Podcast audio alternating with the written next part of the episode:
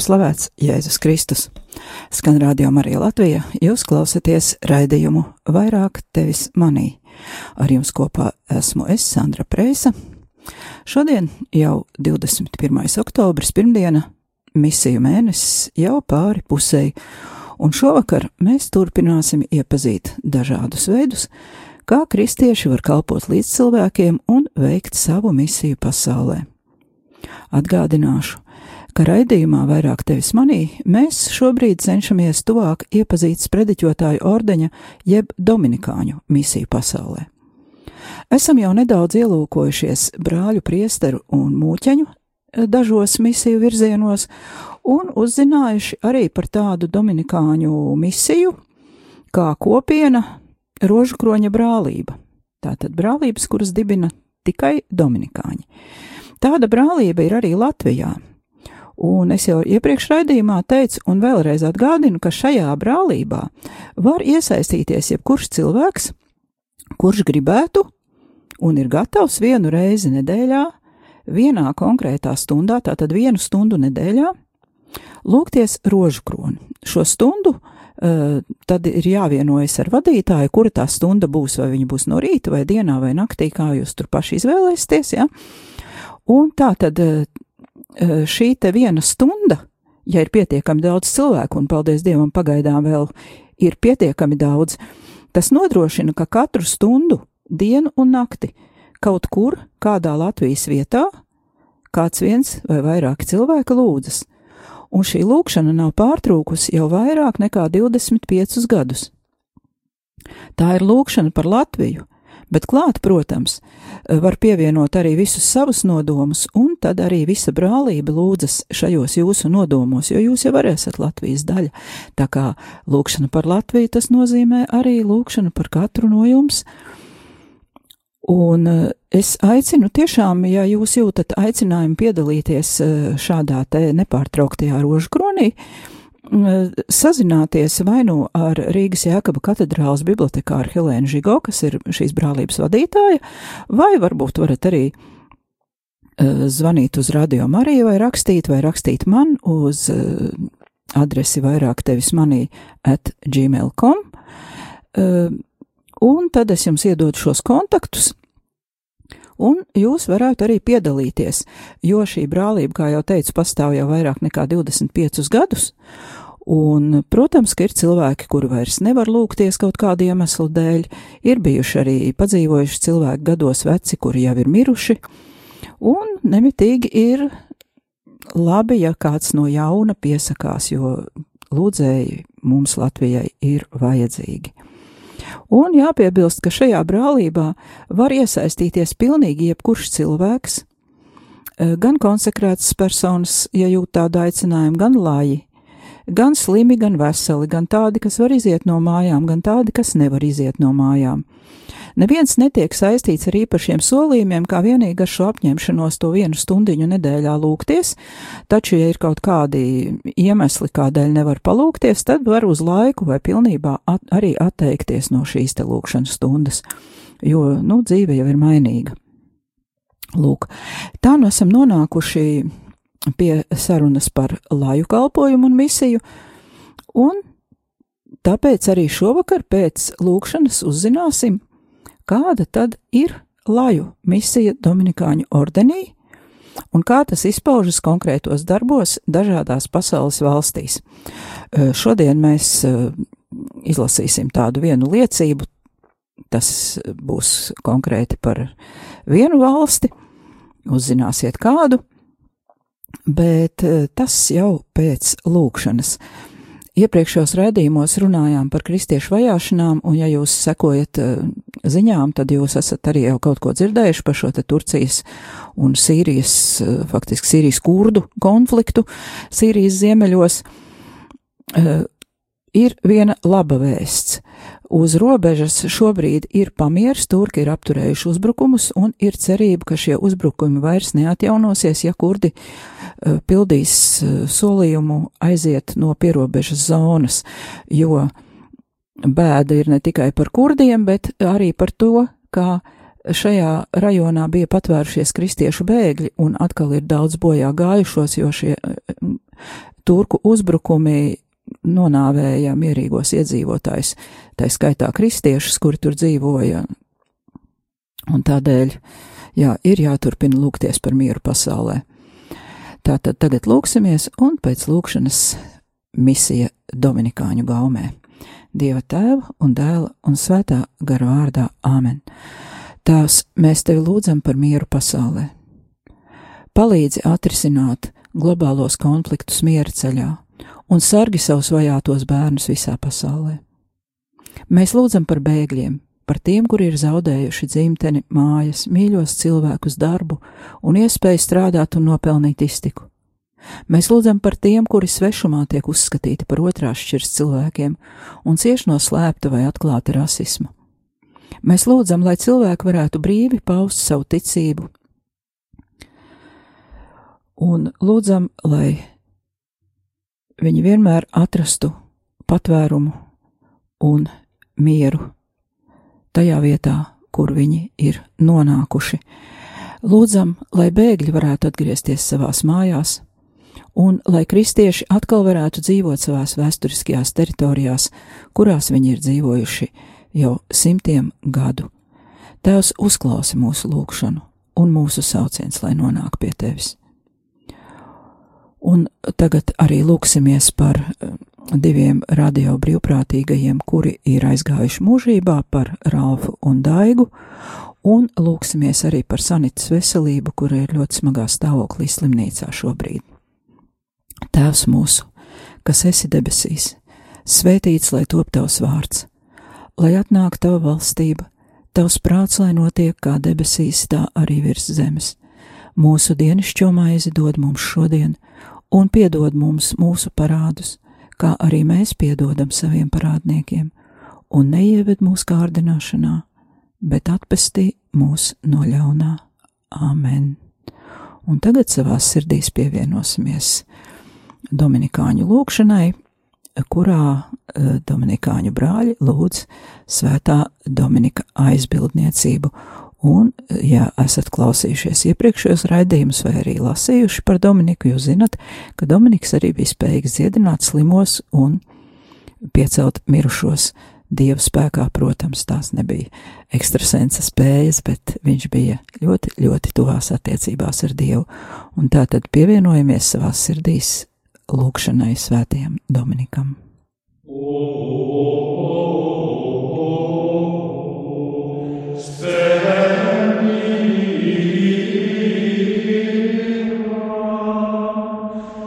വേണം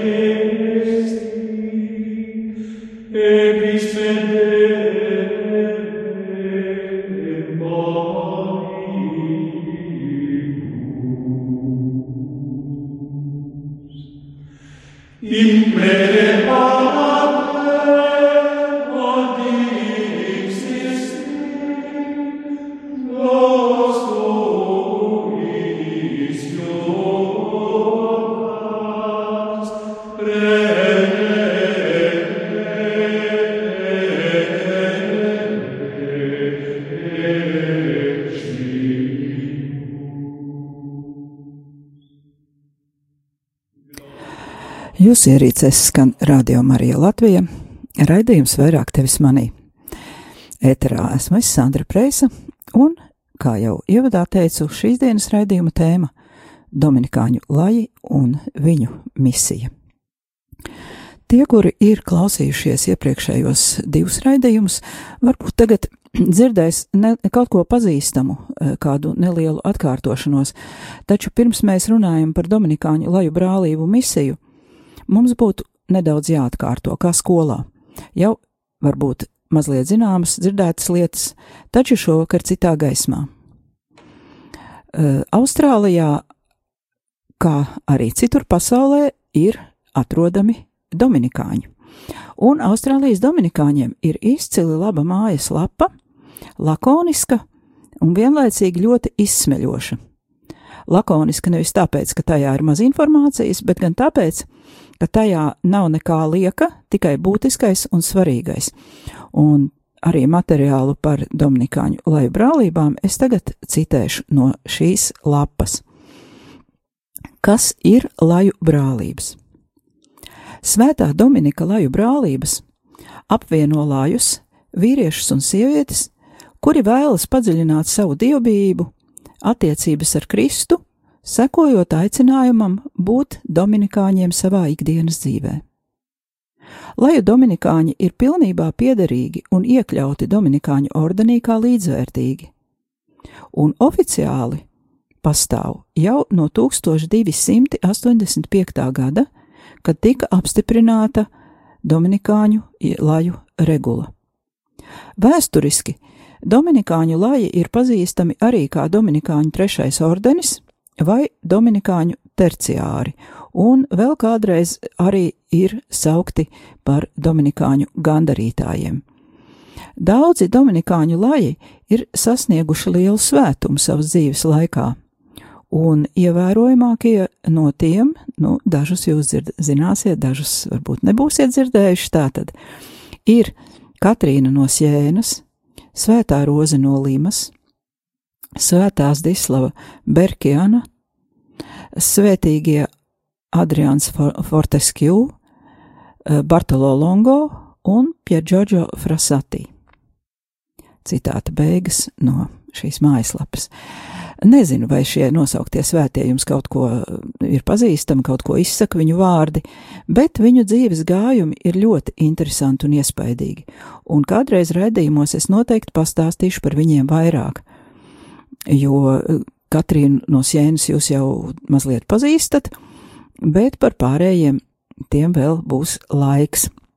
Taču šodien turēsimies pie misiju tēmas, precīzāk pie tēmas par laju misiju mūsdienās, bet tagad vēl nedaudz no austrāliešu materiāliem. Kāpēc kādam būtu jāstājas Dominikāņu laju brālībā? Daudzas lietas piesaista vīriešus un sievietes, kuri izlemj iestāties laju brālībās. Dažiem no viņiem tā ir devīze veritas - patiesība, kura iededzina vēlēšanos sekot šim ideālam. Citus spēcīgi uzrunā paša svētā Dominika garīgums un ordeņa misija, par kuru viņi ir uzzinājuši lasot vai sastopot konkrētus dzīves piemērus. Savukārt citi ir apzinājušies, ka ir aicināti izdzīvot savu ticību caur studijām un kontemplāciju. Lai kāds arī nebūtu sākotnējais iemesls, piederība laju Dominikāņu brālībai vienmēr ir jāuzli, jāuzlūko kā kristības sakramenta un vispārējā aicinājuma uz svētumu padziļināta izdzīvošana. Un vēl nedaudz par Dominikāņu garīgumu ar uzsvaru uz laju garīgumu. Četri ordeņa pīlāri, par kuriem esam jau arī kādreiz dzirdējuši, tie nosaka, kā pirmā un otrā ordeņa, tas ir brāļu priesteru un māsu mūķeņu, tā arī Dominikāņu laju garīgumu. Pirmais pīlārs - lūkšana. Laju Dominikāņi apmeklē misi, lūdzas rožu kroni, un arī lielāko daļu no stundu lūkšanām jeb breviāra, tas ir laudes, vesperes un kompletoriju. Ja to atļauj konkrētās personas dzīves kārtība, kas pieder šai Dominikāņu lai brālībai, tad e, šie cilvēki tādā veidā lūdzas katru dienu. Viņi ir aicināti arī padziļināt, lasīt svētos rakstus, godināt jaunā Mariju, svēto Dominiku un svēto Katrīnu no Sienas, kas ir laju brālību svētā aizbildne. Un gribu piebilst, ka par to dzīves kārtību eh, es, eh, nu, arī šajā materiālā tas ir teikts, lajiem pirmie pienākumi ir viņu ģimene un viņu darba pienākumi, un tādēļ tie ir svarīgāki nekā burtiski izpildīt regulu, un tādēļ arī, ja kādu dienu cilvēks nav misē, ja viņam nav laika, attaisnojošu iemeslu dēļ, nopietnu iemeslu dēļ, palūkties laudes, vesperes kompletoriju vai kādu citu lūkšanu, tas nav zem grēka. Zem grēka tas varētu būt, ja tā ir nolaidība, slinkums, nevēlēšanās vai kaut kas tam līdzīgs, bet principā Dominikāņu lajiem eh, nevienas lūkšanas vai kaut kāda pienākuma, kas ir pēc regulas izpild, neizpildīšana, nav zem grēka, jo laju dzīves stāvoklis ir atšķirīgs no klosteru dzīves, un lajiem tātad pirmā lieta ir viņu pienākumu, tiešo pienākumu godīga izpilde. Otrais pīlārs - studijas. Laju dominikāņi ir pilni apņēmības nopietni izpētīt atklāto patiesību un pastāvīgi pārdomāt mūsdienu problēmas, uzlūkojot tās ticības gaismā. Studijas ir svarīga laju dominikāņu formācijas daļa. Tā vienlaicīgi ir gan lūkšanas forma, gan nepieciešamā sagatavošanās, lai varētu dalīties savā ticībā ar citiem cilvēkiem. Trešais pīlārs - kopienas dzīve. Parasti dominikāņu laji veido kopienas pēc dzīvesvietas principa. Tas palīdz viņiem satikties un izdzīvot kopējo aicinājumu kā ordeņu kopienai. Viņi regulāri satiekas ar citiem kopienas locekļiem, lai kopā lūgtos, diskutētu un veiktu apustulisko darbu. Iespēju robežās viņi satiekas un sadarbojas arī ar citiem Dominikāņu ģimenes locekļiem, ar citām laju kopienām, priesteriem, mūķenēm un māsām. Ceturtais pīlārs - sludināšana. Laju Dominikāņu sludināšanas esence ir dalīšanās savā ticībā, liecināšana par ticību ar savu dzīvesveidu, tiem cilvēkiem, kurus viņi satiek ikdienā. To var darīt katru dienu, darba vietā, vai tikpat labi kādā kopīgā apustuliskajā kalpošanā, vai vienkārši elementāri ģimenē. Saskaņā ar Svētā Dominika Laju brālību regulu, mūsdienu pasaulē dieva vārda sludināšana ir jāpaplašina, īpašā veidā aizstāvot personas cieņu, ģimeni un dzīvību. Tātad tas ir aicinājums Dominikāņu lajiem, bet, protams, tas ir aicinājums mums katram kristietim aizstāvēt cilvēku personas cieņu, ģimeni un dzīvību. Tagad atkal neliela dominikāniskās mūzikas pauzīte, un tad turpināsim konkrēti jau ar misijas piemēriem. Un tagad paklausīsimies tādu priecīgu muziku no amerikāņu eh, brāļiem The Hillbilly Tomists.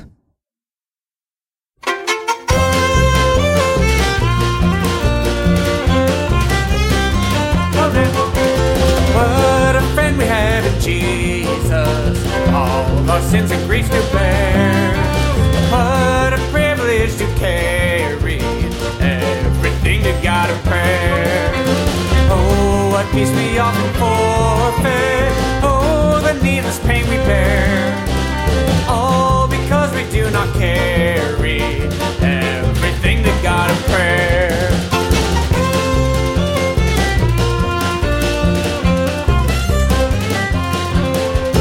Have we trials and temptations?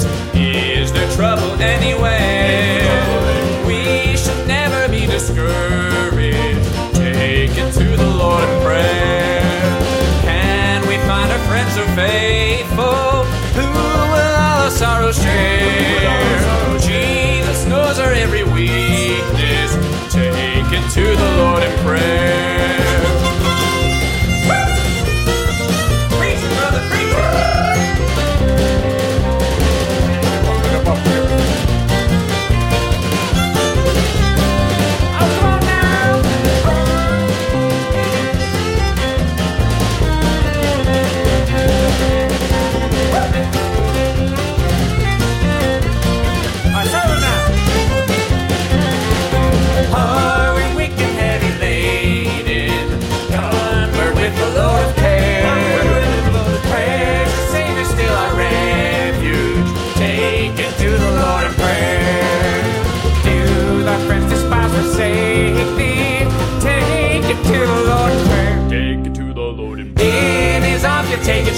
Shield thee.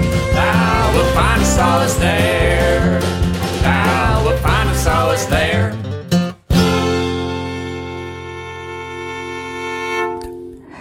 Tie bija Dominikāņu priesteri, pasniedzēji no Amerikas, Eh, bet mēs turpinām savu raidījumu. Tikko runājām par šiem četriem Dominikāņu garīguma pīlāriem, bet eh, man jau tad, kad es biju sagatavojis raidījumu un biju ceļā uz radio, mm, es pēkšņi iedomājos par to, ka nekur, nevienā vietā, eh, runājot par Dominikāņu garīgumu, es neesmu izlasījusi par vēl vienu lietu, eh, kura faktiski bez kura šaurdaņa nebūtu, un tā ir līdzcietība. Varbūt, ka Dominikāņi to uzskata par tik ļoti pašsaprotamu lietu, ka viņi vienkārši par to nerunā. Jo Svētais Dominiks dibināja savu ordeni tādēļ, ka viņam ļoti, ļoti sāpēja sirds par nabagiem, un ne tikai par nabagiem tādā nozīmē, ka viņiem nav naudas, nav ko ēst, un viņi ir materiāli nabadzīgi, bet arī par nabagiem garīgā ziņā, par tiem, kas nepazīst Dievu, par tiem, kas ir atkrituši, par tiem, kas dzīvo grēkā. Un viņš centās no visa spēka palīdzēt kā vieniem, tā otriem. Uh, ir tāds uh, gadījums no Svētā Dominika dzīves, kad viņam bija 23 gadi. Viņš studēja Universitātē Spānijā, Palencijas Universitātē, un tādā reģionā bija neražas gads, un sākās milzīgs bats, un cilvēkiem nebija ko ēst. Un Dominiks bija no bagātas ģimenes. Vecāki viņam bija sagādājuši grāmatas, no kā mācīties, un šīs grāmatas tajos laikos bija tik dārgas, ka viena grāmata bija apmēram vienas nelielas muižas vērtībā. Un ko izdarīja Dominiks? Un grāmatas rakstīja uz pergamenta, un tas pergaments tika izgatavots no ādas.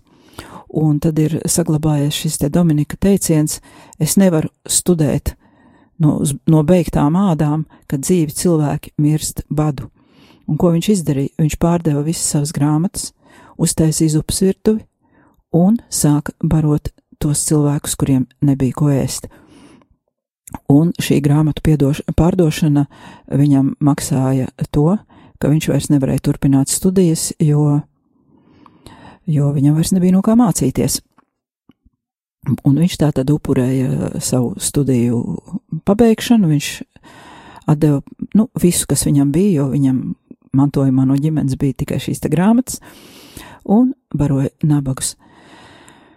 Un tāpat arī vēlāk savā dzīvē viņš ārkārtīgi daudz lūdzās par tiem cilvēkiem, kuri nepazīst Dievu un ilgojās doties misijās uz tādām zemēm, kur par Dievu vēl neviens nav neko dzirdējis. Lūk, un tādēļ noteikti, noteikti runājot par Dominikāņu ordeni, mums vienmēr ir jāatceras, ka šā ordeņa pīlāru pamatos ir ielikta šī milzīgā līdzcietība pret nabagiem. Un tagad, uh, skatoties tālāk šīs dienas materiālu, mēs arī kaut ko varēsim no tā pamanīt. Uh, tā kā Dominikāņu ordenis nav nekas tāds atsevišķs veidojums, bet viņš ietilpst katoliskajā baznīcā un ne tikai ietilpst, bet arī ir ļoti aktīvs. Un arī Dominikāņu viens no priesteriem vienmēr ir tādā ļoti interesantā amatā, kas saucas pāvesta teologs. Tātad cilvēks, kurš pārbauda pāvesta spredeķus, vai tur pāvests nebūs sarunājis kaut ko tādu, kas ir pret baznīcas mācību, nu, kam negadās kādu kļūdu izdarīt. Tātad šis pāvests te teologs vienmēr ir dominikānis, nekad nav citādi. Un šajā sakarā arī pāvests tagad ir izsludinājis šo misiju mēnesi, un arī Dominikāņu ordenis, arī Dominikāņu laji vēlas tajā aktīvi piedalīties, nevien kalpojot, bet arī ar lūkšanu un Laju brālību vadība ir sastādījusi īpašu novenu šim te misiju mēnesim. Tā kā mēs raidījumā tiekamies tikai reizi nedēļā, tad mums nebūs iespēja lūgties šo novēnu, jo mums nemaz nesanāk de deviņi raidījumi mēnesī, mums tikai četri iznāk. Un tādēļ pilnu tekstu un kā lūkšanu mēs to eh, nevarēsim izmantot, taču mēs varam lūgties laju brālības misiju nodomos, Un uh, novenas pilns teksts, ja kādu interesē, ir pieejams vispasaules lai brālība apvienības mājaslapā angļu, franču un spāņu valodā. Es to linku droši vien ielikšu arī mājaslapā, es to neesmu izdarījusi Facebookā. Tātad, ja kāds gribēs šo novenu lūgties, tad to varēs atrast. Saiti varēs atrast Facebookā. Lietuvieši to ir iztulkojuši savām vajadzībām. Bet latviešu šo tekstu es nekur publiski neatradu, un tāpēc iztulkoju pati, un tagad ar jums padalīšos. Novena ir veidot pēc šāda principa. Vispirms ir kādas brālības misijas darba apraksts, tad ir atbilstošs svēto rakstu fragments un psalms, un tad ir lūkšana. Es raidījumā šodien nolasīšu, nu, raidījuma garums mums neatļaus vairāk kā pirmo dienu, iepazīt šo, šo novenu un šo misiju. Bet nākamajā raidījumā mēs, tur ir tie, tās pārdomas ir īsākas, un tad mēs varēsim uzzināt vēl par citām misijām. Eh, un tagad, tad, nu, mēs varētu sākt. Tātad eh, tas būs fragments no šīs te novenas misiju mēnesim, pirmā diena, Un šīs te pārdomas ir sastādījis eh, brālis Martins Folans no īrijas. Un saucas šis fragments Zupa nabagiem. Ir saulaina sestdienas pēcpusdiena, un tikko man palūdza uzrakstīt savas pārdomas par laiku, ko esmu pavadījis šeit, Vincentā un Grenadīnā. Un te es pārtraukšu Vincentu un Grenadīnu, tā ir e, neliela valstiņa Karību jūrā, e, Antiļu salu grupā, kura sastāv no 32 salām, un divas lielākās salas ir Sent Vincenta un Grenadīna, un tieši šo salu vārdā arī sauca šī te mazā valstiņa. Un tātad stāsts ir par to, kā šis uh, Dominikāņu laju brālis, sauksim viņu tā, Martins Folans, eh, ko viņš stāsta par darbu ar nabadzīgajiem šajā Sentvincentā un Grenadīnā. Tā man bija arī iespēja pārdomāt, kā gan ir paskrējis laiks. Gadi aizlido tik ātri, atstājot aiz sevis nenovērtējumu pieredzi, kura kļūs arvien vērtīgāka vēl ilgi pēc tam, kad mans laiks šeit būs beidzies. Pirmais, par ko man ir jādomā, Tā ir zupas virtuve ar nosaukumu Maize un zivis, kura šobrīd ir pārcelta no debesīs uzņemšanas katedrālas teritorijas uz rajonu, kurš saucas Batamtaun. Projekts ir Romas katoliskās baznīcas bērns, kurš dzima pirms vairāk nekā 20 gadiem, kad baznīcas cilvēki saprata, ka ir jāpalīdz nabadzīgajiem tieši šādā veidā, dodot iespēju viņiem paēst katru darba dienu, no pirmdienas līdz piekdienai bet nedēļas nogalē virtuve bija slēgta. Par laimi, brālis Džims Kendons no Dominikāņu ordeņa saprata, ka svētdiena šeit, Kingstaunā, ir ļoti klusa diena. Un pašiem trūcīgākajiem ir ļoti mazas iespējas dabūt šeit kaut ko ēdamu, tāpēc viņš uzņēmās sarūpēt viņiem pusdienas arī svētdienā. Viņš ātri sapulcināja brīvprātīgo komandu, kur palīdzēja viņam veikt šo darbu. Paldies Dievam, šī svētdienas programma darbojas vēl joprojām. Liela daļa no tiem, kur tiek aicināti uz virtuvi, ir bezpajumtnieki un nesā līdzi visu savu nelielo mantību. Tie ir cerību zaudējuši cilvēki, kuriem nav nevienas citas vietas, kur meklēt palīdzību. Citi, kuri nāk šurp, nav tik nožēlojamā stāvoklī, bet virtuvē maize un zivis cilvēki netiek šķiroti. Neviens izsalcis cilvēks nekad netiek raidīts projām. Maltīte ir garšīga un sātīga, tomēr daži klienti lūdz papildu porcijas. Pēdējā laikā ir arvien mazāk cilvēku, kuri zvana, lai piedāvātu palīdzību, un šī virtuve varētu darboties. Brīžiem pat rodas jautājums, vai šis kalpojums vispār izdzīvos. Zīmes gan ir cerīgas. Kāds vietējais labdaris ir uzņēmies pilnībā apmaksāt vienu svētdienu mēnesī, lai pusdienas būtu, un tas ļoti atvieglo mūsu finansiālo situāciju. Šobrīd pārtiks programmu papildina arī cita veida palīdzības sniegšana. Brālis Džims savu kalpojumu laikā Senvincentā ir nodibinājis labdarības organizāciju Martina de Pores cerība. Angļu valodā de Pores Trust. Tā palīdz nevien ar ēdienu izsalkušajiem, bet cenšas sagādāt arī apģērbu un citas nepieciešamās materiālās lietas, kuras trūcīgie un izstumtie nespēj sev sagādāt paši. Šeit, Sent Vincentā, es pieredzēju, kā Dieva vārds kļūst redzams darbībā, attiecībā uz tiem, kuri mūsu sabiedrībā nav spējuši sasniegt labklājību. Cik labi šeit iedaras vārdi: meklējiet vispirms dievu valstību.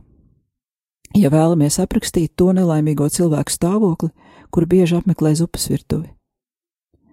Daži vīrieši ir nemitīgi pusbadā, lūdzot sev maizes gabalu un neko citu arī nedarot no saules slēgt līdz pat rietam. Es lūdzu tevi, Dievs, dāvā savu brīvību tiem, kuri dzīvo nabadzībā, lai arī viņu dzīve kļūst par svētkiem. Nabadzīgajiem garā ir vajadzīga cita barība, tāda, kura baro nevienu miesu, bet arī dvēseli. Šeit es domāju arī bijušos cietumniekus no Kingstonas un Belaila cietumiem, īpaši tos, no kuriem novērsusi, novērsusies gan ģimene, gan draugi. Kā cietumā kalpojošs komandas loceklis, es katru nedēļu apmeklēju abus minētos cietumus un satiekos ar ieslodzītajiem, kuri vēlas dzirdēt dievu vārdu. Mēs cenšamies viņiem palīdzēt arī ar pirmās nepieciešamības precēm, tādām kā apakšveļa, toaletes piedarumu un apģērbs. Cietumnieki ir ārkārtīgi pateicīgi par jebkādu saņemto palīdzību un atbalstu, un ar mīlestību runā par brāli Džimu Kendonu un par viņa maigumu attiecībās ar viņiem ieslodzījuma laikā.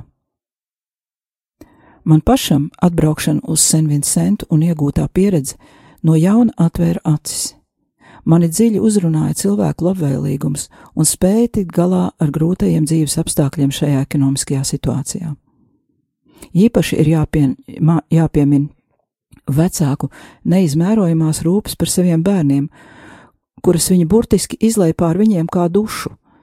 Kaut vai tikai redzot, kā viņi sagatavo savus bērnus iešanai uz skolu, saģērbjot viņus tīrās un sakoptās skolas formās.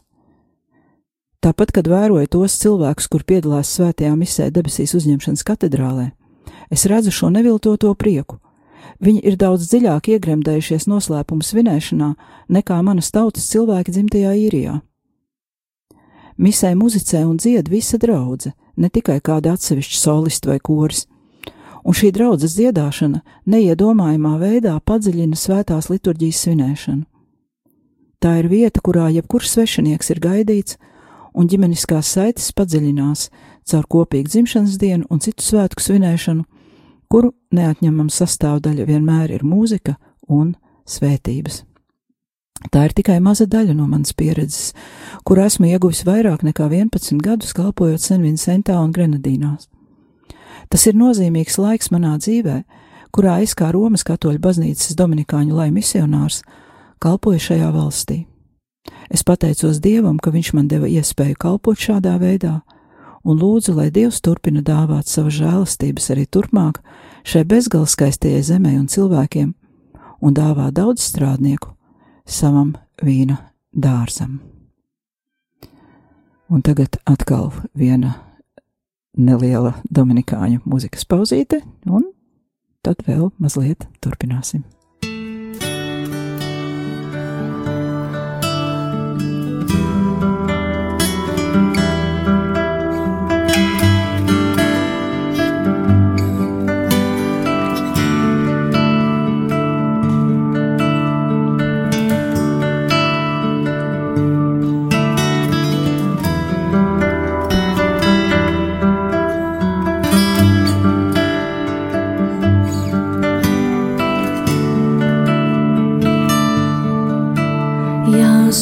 Zvaigznes spīd, Zvaigznes spīd, kā zelts, jau zvaigznes spīd, jau zvaigznes spīd, kā zelts,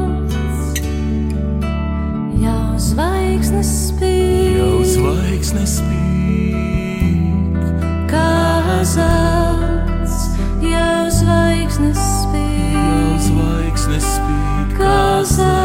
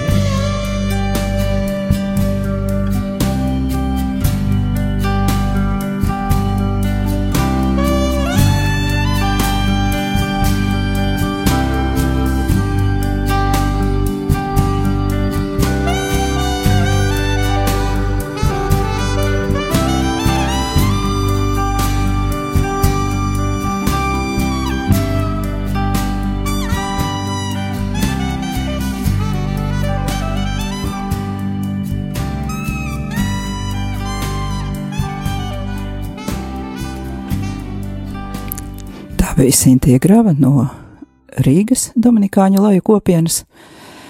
Dziedāja par šīs, tiem cilvēkiem, par tādiem, par kādiem mēs tikko lasījām. Bet tagad eh, vēl mazliet no svētajiem rakstiem, kā jau minēju, šai novēnā ir ietverti arī svētie raksti un lūkšana, un tad arī mūsu raidījums izskanēs. Tātad lasījums no Mateja evaņģēlija 25, no 31 līdz 36. Bet, kad cilvēka dēls nāks savā godībā un visi eņģeļi līdz ar viņu, tad viņš sēdēs uz savu godības krēsla, un visas tautas tiks sapulcētas viņa priekšā, un viņš tās šķirs kā gan šķir avis no āžiem, un liks avis pa savu labo, bet āžus pa kreiso roku. Un tad ķēniņš sacīs tiem, kas pa labo roku nāciet šurp, jūs, mana tēva svētītie, iemantojiet valstību, kas jums ir sataisīta no pasaules iesākuma. Jo es biju izsalcis, un jūs mani paēdinājāt. Es biju izslāpis, un jūs man dzirdinājāt. Es biju svešinieks, un jūs man uzņēmāt. Es biju pliks, un jūs mani esat apģērbuši. Es biju slims, un jūs mani apmeklējāt. Es biju cietumā, un jūs esat nākuši pie manis. Un 107. psalms no 4. līdz 14. pantam. Viņi maldījās tuksnesī pa nestaigājumiem ceļiem un neatrada pilsētas, kur varētu dzīvot. Izsalkuši un izslāpuši, tā ka viņa dvēsele viņos bija galīgi novārgusi un izmisusi. Tad viņi piesauca to kungu savās bēdās, un viņš izglāba viņus no viņa posta un vadīja uz pareizā ceļa, ka viņi nonāca apdzīvotā vietā. Bet viņi, lai pateicis tam kungam par viņa žēlastību un par viņa brīnuma darbiem, ko viņš dara cilvēku bērnu vidū, ka viņš veldzēja izslāpušo un atspirdzināja ar barību izsalkušo. Tie, kas sēdēja tumsā un nāves ēnā, būdami ieslīguši galīgā postā un saistīti dzelzs valgos, jo viņi pretojās Dieva vārdiem un neizpildīja visaugstākā gribu, bet viņš nomāca viņu sirdi ar grūtām pūlēm, ka viņi paklupa un palīga nebija. Tad tie piesauca to kungu savās bēdās, un viņš izglāba viņus no viņu bailēm, un izveda viņus no tumsas un nāves ēnas, un sarāva viņu saites. Lūksimies! Visvarenais Tēvs, dāvā mums atvērtu un mīlošu sirdi, lai mēs spētu rūpēties par cilvēkiem, kuri cieš no nabadzības un izsalkuma.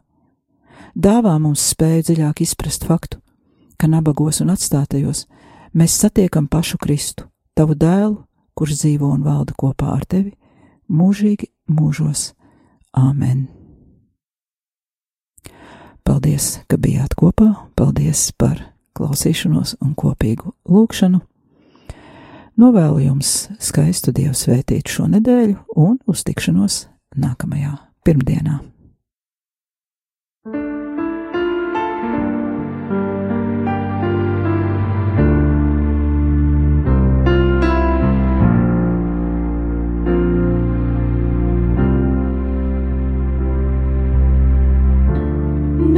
mīlestības vēl sēkā, vairāk tevis manīt.